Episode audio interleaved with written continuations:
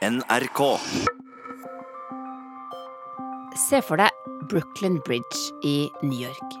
Helt uten biler og uten et eneste menneske som går over. Det skjer nå, fordi de skal frakte over en liten meksikaner. I en pansra politibil sitter han inni en sikra metallbeholder.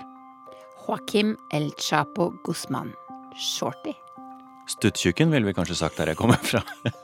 Men Tore, amerikanske myndigheter mente faktisk at denne meksikaneren eh, var farligere enn lederen for Al Qaida. Bueno, eso es una realidad este, que las drogas destruyen. Og han har eh, forbløffa oss med å flykte fra fengsel gang på gang.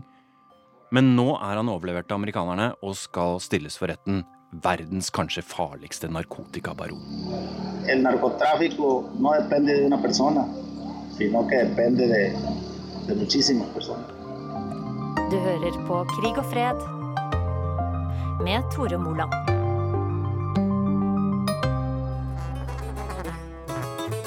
Las playas fueron testigo de aquel mal momento allá por Mazatlán. Narkokorridos det er jo litt sånn eh, heltekvad, nærmest. Som er en typisk sånn litt sånn bondsk nordmeksikansk musikk, hvor de synger om om eh, narkomafiabossene og hvordan de opererer. Det er jo gjerne liksom livshistorien deres, hvor, hvor eh, tøffe de er, hvor eh, man skal ikke eh, komme på kant med dem, og hvordan de skaper kontroll over områdene. Det er veldig mye det som går igjen i tekstene. Jeg heter Bendikte Bull. Jeg er professor i statsvitenskap ved Senter for utvikling og miljø, Universitetet i Oslo. Og jeg leder Norsk nettverk for latinamerikaforskning og har fokusert ganske mye på Mexico. Hvem er El Chapo? El Chapo er jo fattiggutten fra fjellene i Sinaloa i det nordvestlige Mexico, som blir lederen av det kanskje, kanskje største kriminelle organisasjonen i verden, med forgreininger over hele kloden, inkludert Kina, Europa, Afrika, og som styrer egentlig en business fra å være en vanlig kriminell gjeng til å bli et moderne, velsmurt eh, maskineri som tar i bruk helt nye metoder i narkosmuglingen, inkludert eh, å mm, grave tunneler til USA og eh, bruke ubåter. Kan du beskrive han for oss? Utseendemessig er jo derfor han har fått det navnet han har. Ja, det betyr jo shorty. Han er en eh, kort, eh, kompakt kar som egentlig ikke ser noe spesielt skummel ut. Litt sånn rundt ansikt og heller ikke noen kjekkas, selv om han har jo et rykte på seg for å være en kvinnebedårer og har hatt et rad av vakre kvinner som både koner og elskerinner gjennom årene. Nå har jo det også selvfølgelig sammenheng med at han ble jo ganske rik etter hvert. Han var jo på Forbes liste over verdens rikeste i flere år, uten at noen helt vet hvordan de klarte å belegge de tallene de kom med. Han er jo også blitt et ikon, og historien hans er jo fortalt i et uendelighet av bøker og TV-serier og filmer. Så én ting er hvem denne mannen er, og en annen er jo den rollen han har fått i en sånn en sånn historie som til dels er sann, men til dels nok eh, er også skapt i underholdningsbransjen. Ja, hvorfor har han fått denne her eh, populærkulturelle gjennomslagskraften? Det handler nok litt om at han er på en måte en litt sånn gammeldags mafiaboss som spiller flere roller. Han er ikke bare, eh, bare slem. Han er også en som eh, skaffer seg støtte i sine nærområder ved å finansiere eh, kreftoperasjoner og mm, broer og forskjellige ting som folk trenger, og blir på en måte en Robin Hood i nærområdene. Em, og så er han jo også da en fattiggutt i utgangspunktet. Eh, han er ikke som en del av de liksom mer de nyere kriminelle organisasjonene. Rekrutterer jo mye fra de militære. Han har ikke den bakgrunnen. Han har, er sønn av en eh, fattig bonde i fjellene som drev med kvegdrift. Han eh, var utsatt for grov vold som barn, og stakk av fra faren sin som tenåring og dro til for å jobbe for onkelen sin, og da videre derfra og inn i ulike ulovlige aktiviteter. No entendemos al gobierno si ellos protegían al Chapo Guzmán. Hvor mye narkotika er det El Chapo er sikta for å ha smugla? Han er sikta for å ha smugla 250 tonn kokain og rundt 50 tonn andre typer stoffer. 250 tonn, 250 000, 1000 kilo. kilo. Om det om er alt, det vet jeg ikke, men det er enorme eh, Det er enorme kvanta, og man regner med han sitter med en formue på 14 milliarder dollar. Igjen så er dette usikre tall. Er han knytta direkte til drap? Ja, han er tiltatt for 33 drap. Igjen så er nok det bare en bitte liten topp av et isfjell. Men det er de drapene han har eh, De har da tydeligvis gode beviser på at han har stått bak direkte. Han er også tiltalt for hvitvasking, og rett og slett for å ha ledet en kriminell organisasjon. Det er nå elleve tiltalepunkter. Seks av de 17 opprinnelige ble frafalt, men man, man snakker jo om at bare ett av disse tiltalepunktene, om man blir skyldig i det, så vil han sitte på livstid. Så hvor mange livstidsdommer han kommer til å få, det er jo det som på en måte den lille usikkerheten ligger i.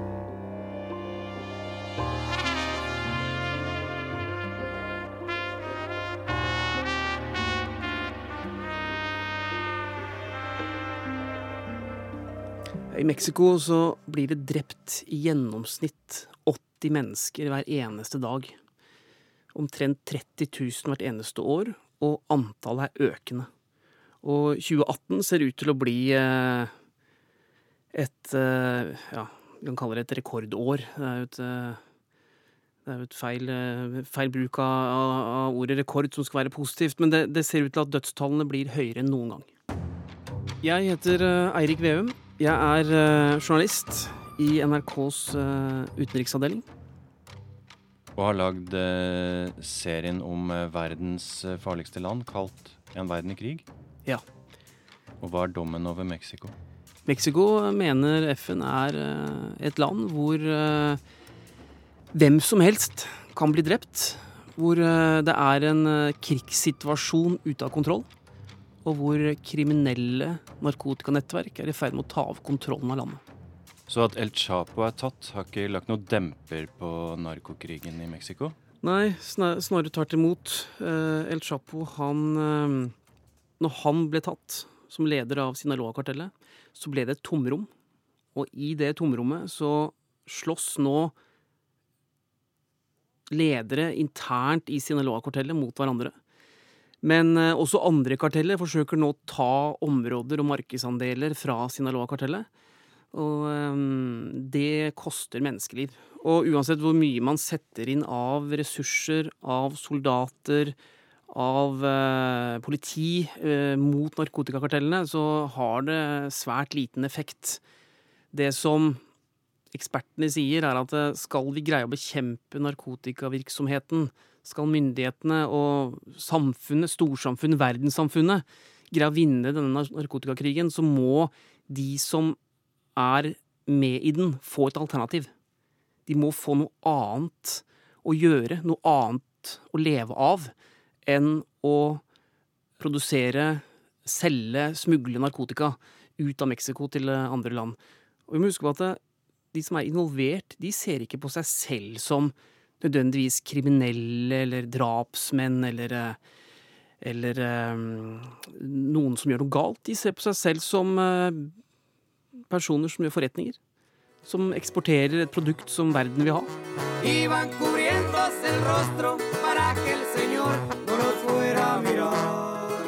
Og må tenke at hvis vi tok 100 norske menn og sa at nå kan du velge, enten så lever du et liv i fattigdom i slummen for noen hundrelapper i måneden, eller så blir du med og passer på noen lastebiler, transporterer noen sekker med narkotika over en grense, og du kan tjene deg millioner hvert eneste år som du kan bruke på deg og din familie, så dere kan leve et godt og trygt liv.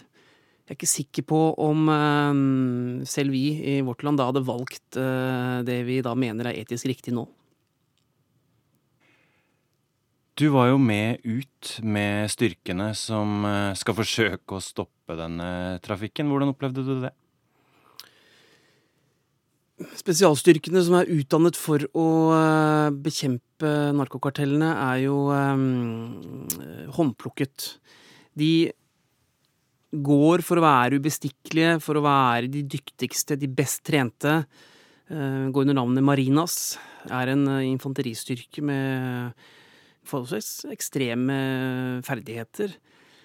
Det som de har fått kritikk for, er at de har kopiert noen av narkotikakartellenes metoder.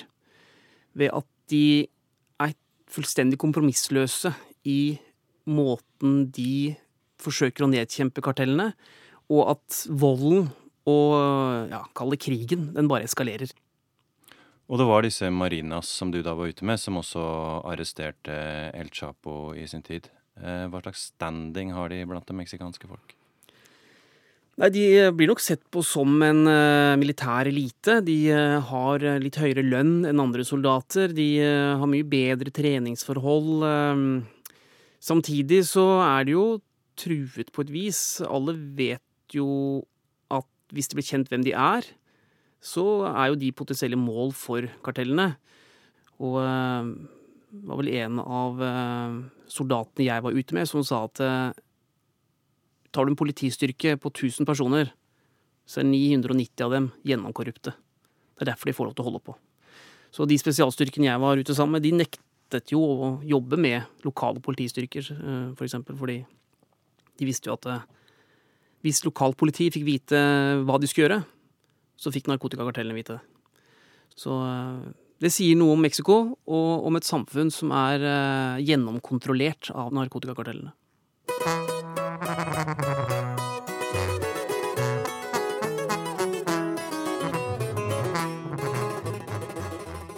Nå er jo Mexico i ferd med å få en ny president. 1.12. overtar Andrés Manuel López Obrador, som ikke bare vant eh, presidentvalget i, sommer med soleklar margin, men også vant flertall i kongress og mange nye guvernører og ordførere. Han har lovet nå en ny sikkerhetsstrategi. Han skal ryske opp i disse tette båndene mellom ordførere og kriminelle organisasjoner, delstatsguvernører og ulike deler av sikkerhetsapparatet. Han har skapt ganske mye håp, men det er nok også tvil om hvordan han skal klare å få gjort dette. Fordi at det er så eh, komplekse forhold. Det er, det er et stort land, det er komplekse deler av sikkerhetsapparatet. Eh, politi, militære og, og mange tette bånd mellom ulike organisasjoner og ulike deler av myndighetsapparatet. Og når du sier tette bånd, så mener du korrupsjon, egentlig? Ja. Eh, det dreier seg om ulike former for korrupsjon. Og altså, samhandel mellom narkokartellene og politikerne. Ja. Og, det, skjer på alle nivåer? Det skjer på alle nivåer, men først og fremst lokale og delstatlige. Og det kan være alt fra at eh, en, en ærlig kandidat eh, tar makten og blir presset. Altså enten tar du pengene våre og samarbeider med oss, eller så får du en kule i hodet. Den tradisjonelle plata og plomo som vi hørte, har hørt i Netflix i mange versjoner. Forklar. Ja, altså plata betyr penger, plomo betyr bly. Så enten tar du pengene og du samarbeider med oss, og da er du vår mann. Eller så får du en kule i hodet, eller vi tar familien din, eller mange andre trusler. Men i mange tilfeller så har det jo også vært kandidater fra de kriminelle organisasjoner som har stilt til valg, og da særlig på lokalt nivå. Og kommer i posisjon og beskytter sine eh, i den posisjonen, og sørger for at en gruppering får kontroll med et område. Mens- Og blir ganske populære blant velgerne. kan fort bli populær blant velgerne, kan til og med få ned eh, volden, i, i hvert fall på kort sikt. Fordi én gruppe har kontroll. Så lenge du samarbeider med dem, så er det ikke noe problem. Estamos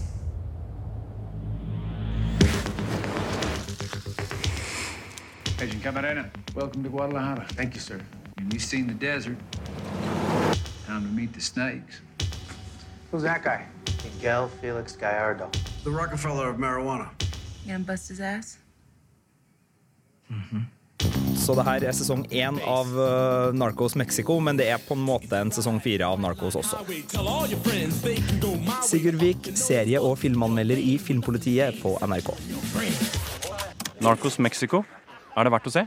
Det er veldig fengende greier, og det er en sånn serie som uh, gjør at man, om man ikke vet at man har helt historiske fakta på bordet, så føler man i hvert fall at man har fått en innsikt i hvordan uh, da uh, starten på den der moderne war on drugs starta, da, spesielt mellom USA da, og, og en del land øverst i, i Sør-Amerika. Ja, hva handler det om? Eh, det er starten på det som omtales som det første meksikanske narkotikakartellet.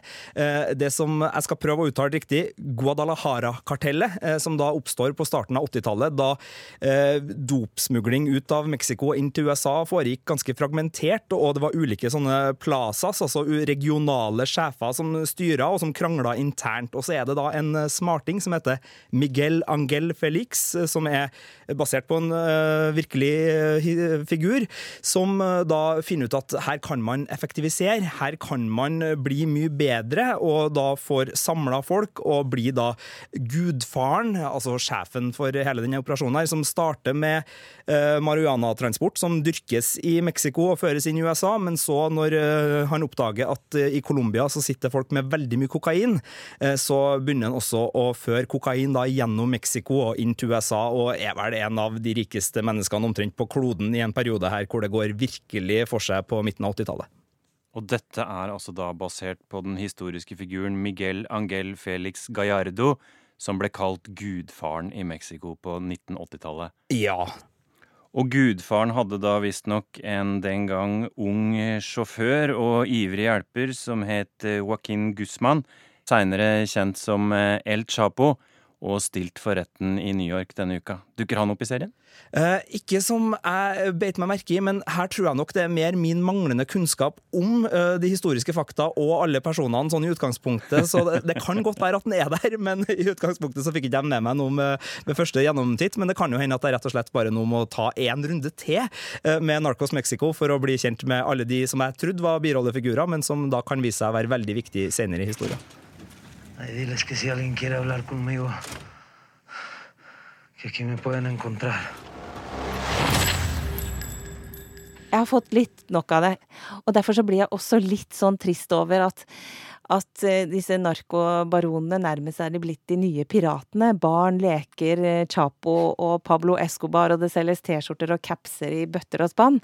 Fordi det er egentlig en veldig tragisk virkelighet som ligger under, og som vi sitter her og koser oss eh, med på Netflix til på lørdag kvelden. Så du syns ikke Narcos og El Chapo på Netflix er noe særlig gøy, du, da? Jeg syns jo Narcos faktisk var veldig var en bra serie. Jeg syns på en måte det er greit at noe av det vises, og noen klarer å gjøre det på en måte som gir bildet litt mer nyanser enn at dette er noen skurker som dukker opp et eller annet sted og, og lager mye bråk. Men jeg tenker at nå har vi kanskje fått litt nok av det. Eirik Veum, hva sitter sterkest igjen hos deg etter eh, reisen i narkokrigens Mexico? Vi hadde jo ehm, et team inne i ehm, Sinaloa-distriktet. Du fikk ikke lov å reise dit sjøl? Fikk ikke lov å være med, fordi sikkerheten uh, mente vi ikke var god nok. Og dette er El Chapos område? Dette er El Chapos område. Og det som var bekymringen fra vår side, var, uh, var kidnappinger, eller at det skulle oppstå en situasjon med meg som utenlandsjournalist som kunne komme ut av kontroll. Og uh, i Sinaloa så ville all mulig hjelp vært veldig langt unna. Slik at vi valgte å sende inn et team som uh, var meksikansk, som hadde gode relasjoner og kilder i Sinaloa-kartellet, som kunne operere der inne under Sinaloa-kartellets Kall det beskyttelse, men også på deres premisser, selvfølgelig. De fikk lov til å intervjue en en av narkotikakrigerne som innrømmet at han hadde henrettet personer, drept i skuddvekslingen med politiet. Uh, han fortalte mye om hvordan livet som narkokriger var. Hvordan de internt i kartellet har turnusordninger, skriver eh, reiseregninger, har diett Eh, hvordan de sitter på kontoret og patruljerer byen som om de skulle vært eh, vanlige polititjenestemenn. Hvordan de stopper biler, kontrollerer dem. Og hvordan de henretter eh, personer fra konkurrerende karteller som kommer inn i området deres. Han fortalte også om hvordan han som småbarnsfar tok seg av barna sine hjemme, hvordan han var bekymret for at han kanskje ikke skulle komme hjem igjen hvis det skulle skje noe. Det som gjorde mest inntrykk på meg, var jo det som skjedde etter intervjuet. Hvor teamet vårt uh, skulle forlate denne bygningen hvor, hvor de hadde snakket med, med uh, denne krigeren. José het han. 30 år gammel. Når de kommer ut derfra, så hører de et skudd. Og um, i et gatekryss da så ligger det en person som hadde sittet på en motorsykkel. Og han er jo da henrettet på åpen gate, rett og slett. Fått et skudd i hodet. Blodet piplet jo fortsatt ut av, av hodet hans da teamet vårt begynte å filme. Og um, det som gjorde mest inntrykk, var faktisk ikke det at han ble drept. Det som gjorde mest inntrykk på meg, var de jeg så, som sto rundt og så på. Som var barn og ungdommer, eh, kvinner og noen eldre menn og sånn. Som sto og snakket med hverandre som om de skulle stått og sett på et eh, ja, en grønnsakshandler som hadde mistet en agurk i bakken. Altså, det var helt hverdagslig. De smilte, de lo, var litt nede i telefonene sine. Dette brydde dem ikke. De trakk på skuldrene av det. Og det var kanskje det som gjorde mest inntrykk av at det ikke gjorde inntrykk på dem. Og når døden, når et drap på gata der du bor, ikke gjør inntrykk, da er et samfunn i ferd med å bli ødelagt. Det er blitt ødelagt.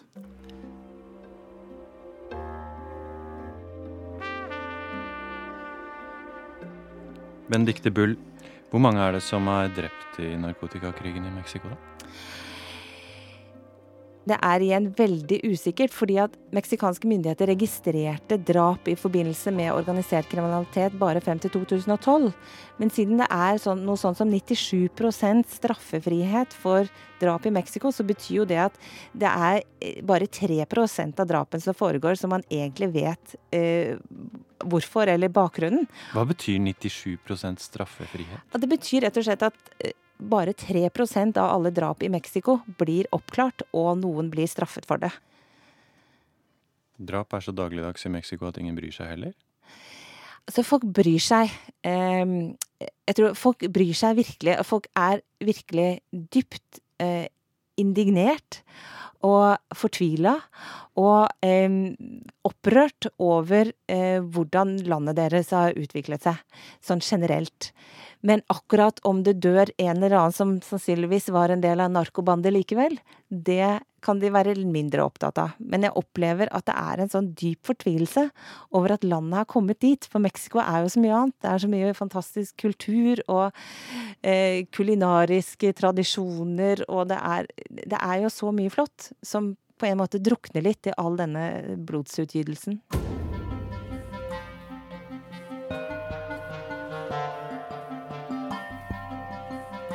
Krig og fred. En podkast fra NRK Urix.